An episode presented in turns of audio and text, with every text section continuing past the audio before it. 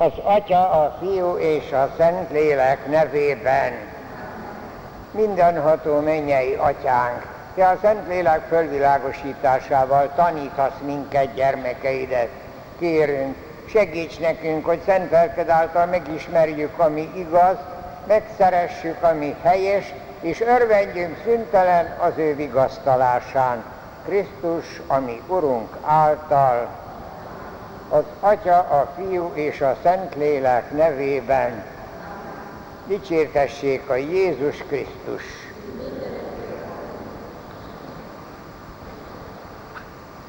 Nemrég eltávozott Szent Atyánk, második János Pál pápa ezt az esztendőt az Eucharisztia évének nyilvánította, ezért az idei katekézi, fölnőtt katekézisünkben a Szent Miséről elmélkedtünk. Először egy kicsit a Szent Mise kibontakozását, a kifejlődését próbáltuk magunk elé állítani. Aztán sorra vettük a Szent Mise mai formájának az egyes mozzanatait, hogy egy kicsit mélyebben megértsük, hogy egy kicsikét könnyebben tudjuk beleélni magunkat, hiszen mindannyiunknak úgy kell részt vennünk, ahogyan a zsinat mondta, a második vatikáni zsinat, tudatosan, tevékenyen és gyümölcsözően. Ennek a reményében volt az idei katekézisünk, és a múlt alkalommal tulajdonképpen már a záró mondatot is említettük, hogy az utolsó szó éppen az, hogy Istennek legyen hála. Most azt szeretném, hogyha egy két apróságot még, apró gyakorlati tudnivalót még, hogyha megemlíthetnék, mert ugye az általános formáját elmélkedtük át, ugye, de az egyház év folyamán vannak változó részek. A vasárnapokon három évenként változó rész, hétköznapokon két évenként változó rész, olvasmány, Szent Leszke, evangélium, ezek a Szentírásból valók. A könyörgés viszont az leginkább egészen ősi, ősi hagyomány alapján régi kéziratokból keletkezett, úgyhogy néha egy kicsikét nehéz is a lefordítása azoknak a görög, illetve latin szövegeknek, de ténylegesen gyöngyszemei sokszor a liturgiának az Szentmise könyörgései. Természetesen a Szent Mise általános mai ünnepsi, ünneplése is azért igen-igen sok különbséget is megenged, igen-igen sok különbség van. Hát más azért egy Szent Mise egy falusi templomban, a falu közösségével, ahol hát végeredményben mindenki mindenkit ismer, és nehéz mondjuk másképp megy egy püspöki székhelyen, ahol hát ténylegesen nagy tömeg van, és sokszor idegenek is ott vannak. Más egy csendes szentmisén, más egy gregorián énekkel kísért szentmisén, és más az, hogyha a kórus valamilyen nagy zeneszerzőnek a több szólamú polifon miséjét énekli, kétségtelen, hogy nagy különbségek vannak. A hétköznapi mise és a vasárnapi mise között is különbség van, nem csak azért, hogy hétköznap rendszerint a Glória meg a Krédó hiányzik, vasárnap viszont mindig van, hanem kétségtelen, hogy más az egyik és más a másik. Más egy diákmise, és más egy zsibongó mise az apró gyerekekkel. De hogy éppen a szélsőségeket mondjam, biztos, hogy egészen más volt, ahogyan a Jóisten irgalmából a gulág lágerbe fekve, mezitelenül a poloskákat ehhez avarva tudtam misézni, éjszaka kettő és három között, hogy észre ne vegyenek. De az ugyanaz a szentmise volt, mint mikor a Szent Atya a bívorosokkal koncelebrálja az ünnepi szentmisét a Szent Péter bazilikában. Nagyon fontos, hogy világosan lássuk, hogy nem a külsőségek, hanem a lényeg az, ami egyezik. És azért egy pillanatra próbáljuk magunk elé állítani, hogy mi a legszükségesebb egy szentmisénél. Hát először is egy szentmise csak ott lehet, hogyha egy törvényesen fölszentelt katolikus pap vezeti. Ez mindjárt fölhívja a figyelmet arra, hogy protestáns testvéreinknél nincsen Szent Mise, náluk vasárnap ige hirdetés van, miért? Náluk nincsen papszentelés, náluk nincsen fölszentelt pap, náluk megválasztott, a gyülekezet által megválasztott lelkész vezeti az Isten tiszteletet, az ige liturgiát, és ugye az úrvacsora is náluk egy emlék lakoma, tehát a Szent Miséhöz mindenképpen szükséges fölszentelt katolikus pap. Hát ezért szoktunk mi imádkozni papi hivatásokért, mert hogyha a papok egyszerűen lassanként megszűnnek, akkor megszűnnek a Szent Misék is.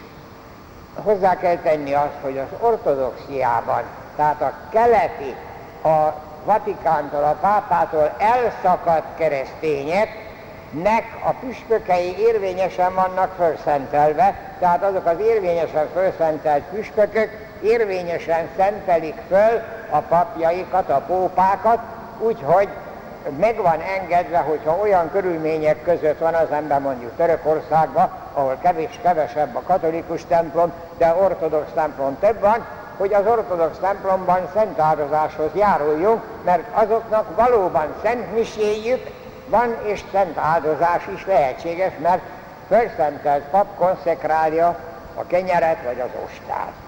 Tehát mindenképpen szükséges egy felszentelt katolikus pap. Egy pici probléma van az anglikánoknál. Az anglikánok ugye 8. Henrik korában ö, valamiképpen hát úgy, úgy elszakadtak. Ugye a pápaságot nem voltak hajlandók elfogadni, mert másképp nem lehetett volna a Bolejnannával házasságot kötni, mert ugye az Aragonia Katalina érvényes házasságban volt, hát csak zárójelben mondom, hogy milyen komikuma van a történelemnek, akkor 8. Henrik angol király elszakadt a pápától, hogy megházasodjék, tehát megesküdjék, megesküdhetik Bolejnannával. Most viszont az anglikán angol trónörökös kénytelen volt a házasság közését elhalasztani egy nappal, hogy ott lehessen második János Pál pápa temetését. Semmi köze nem volt hozzá, de nem tehette meg Nagy-Britannia uralkodója, hogy ne képviseltesse magát. Ott ugye a történelemnek vannak ilyen humoros tényei. Tehát az első, hogy fölszentelt katolikus pap, szükséges a, persze püspök is, hát szóval nem, de diákonus még nem, minősít, még nem misészhet, csak a pap és a püspök. Itt is a második, ami nagyon szükséges, és amire sajnos hát szükséges gondolni is, csak akkor jön létre a Szent Mise, hogyha az a katolikus pap szándékkal, tehát azt akarja bemutatni az oltáron, ami a egyháznak a szentsége, tehát a Szent Miséje. Ezt miért kell hangoztatni? Nálunk itt Magyarországon talán ilyesmi nem fordul elő, de például Franciaországban a sátánosok, azok nagyon gyakran iparkodnak egy apostata papot, főszentelt papot, apostata papot megszerezni, hogy az mondjon nekik misét, hogy aztán az oltári szentséget meggyalázhassák. Hát igen, csak hogy az, az apostata pap nem fog olyan szándékkal ottan parádézni, hogy egy misét bemutasson, úgyhogy a konszekrálása érvénytelen, tehát tulajdonképpen nem tudják meggyalázni az oltári szentséget, mert szükséges az is, hogy a pap azt a szentmisét akarja bemutatni, ami a katolikus egyháznak a legszentebb áldozata. A harmadik szükségessége a szentmisének a szövege. Hát ugye tudjuk nagyon jó, hogy a történelem folyamán, a közel 2000 esztendő alatt, hát a szöveg eléggé sok változáson ment keresztül, de a lényeges része alig változott, de hát tudjuk nagyon jó, hogy először Arám Jeruzsálemben az utolsó vacsora emlékünnepét arámul tartották, aztán nagyon hamar göröbül, a fogányságból megtértek számára az, az érthető, a negyedik században latinul, de még a keletieknél és Kis-Ázsiában, meg Észak-Afrikában káldul, szírül, örményül, szóval voltak különböző nyelveken szentmise szövegek, és hát ezeket aztán a negyedik században egységesítették, és a latin szöveg volt jóformán mindenütt kötelező, de Nagyszent Gergely pápa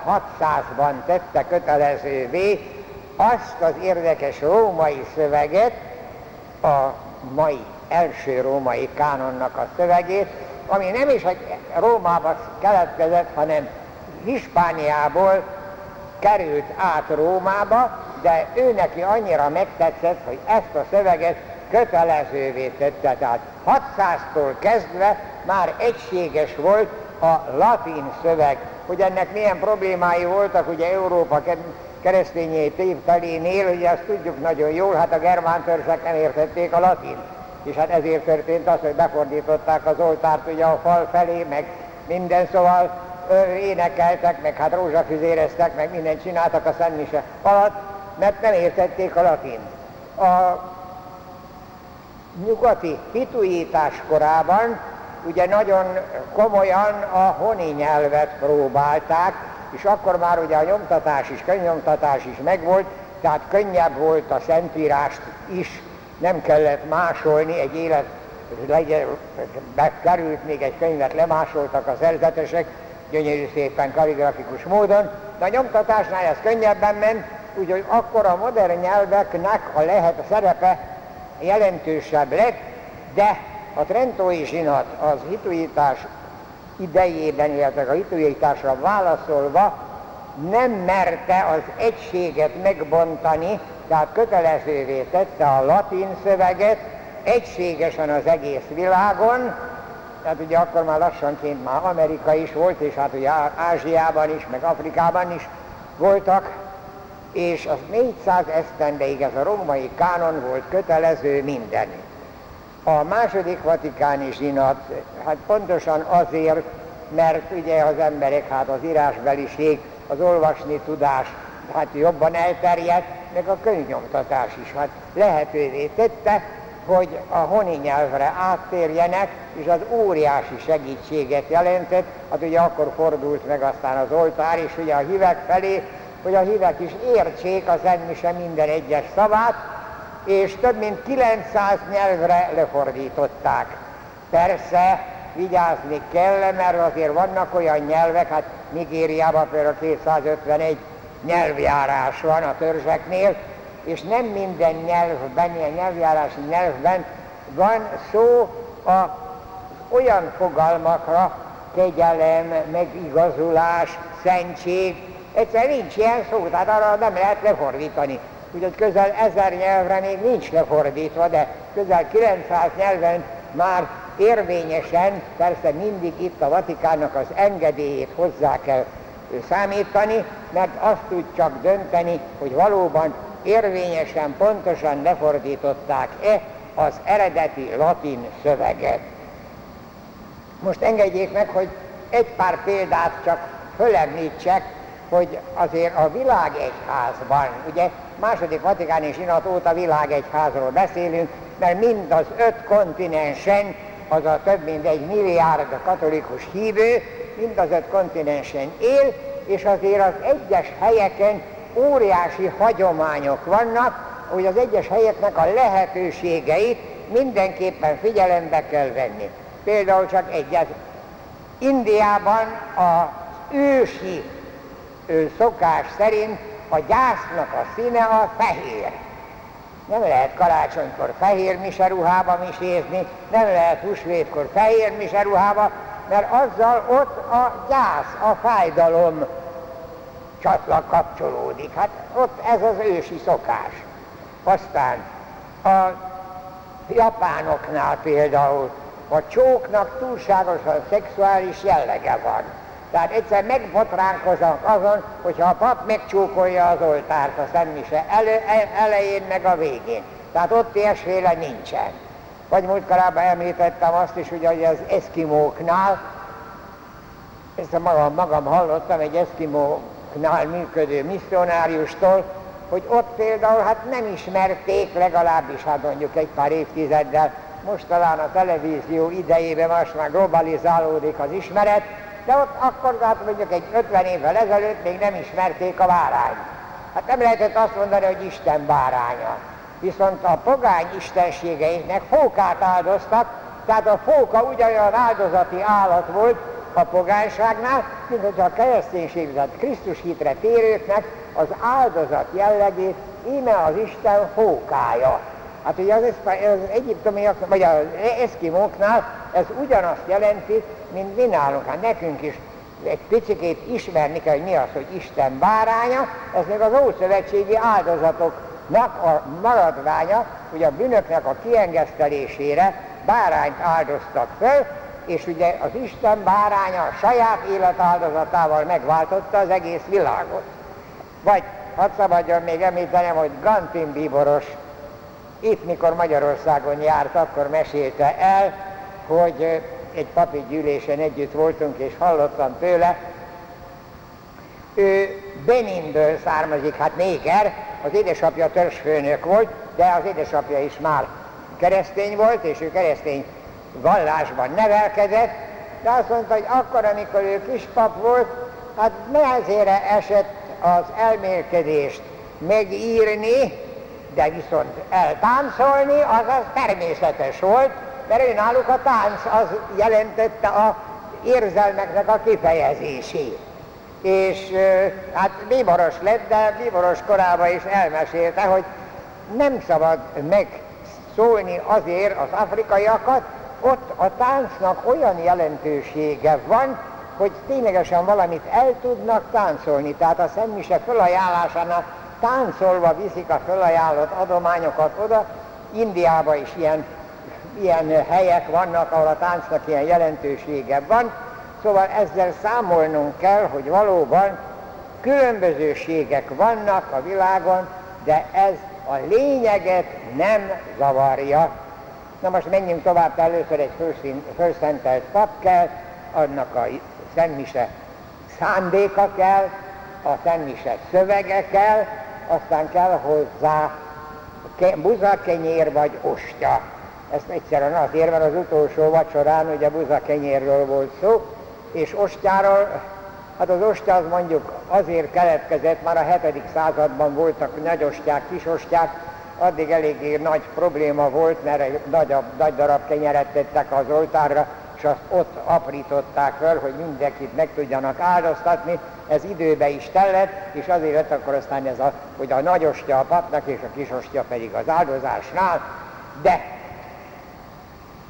nagyon, hát nyugodtan elmondhatom azt, hogy akkor, amikor kint a gulágban voltam, és ott a mi kenyerünk az zabból készült és szójababból, azzal nem lehetett misézni, Hát akkor én észrevettem, hogy a lengyel és a litvány fogolytársaim, azok kaphattak csomagot, a szovjet állampolgárok voltak, nekünk a Rákosi Mátyás sose küldött csomagot, de szóval abban a csomagban mindig volt egy picike kis ostya lap, egy kicsit sárgás, kicsit zöldes, kicsit rózsaszínes, megkérdezte, hogy mi ez. Azt mondják, ez az oplatka, ez egy lengyel, ha, ha népi hagyomány, litván és lengyel hagyomány, ez a a család szeretet egységét ábrázolja, mert a családfő ezt az ostját oda nyújtja a karácsonyfa alatt a családtagoknak, letörnek belőle egy darabot és magukhoz veszik.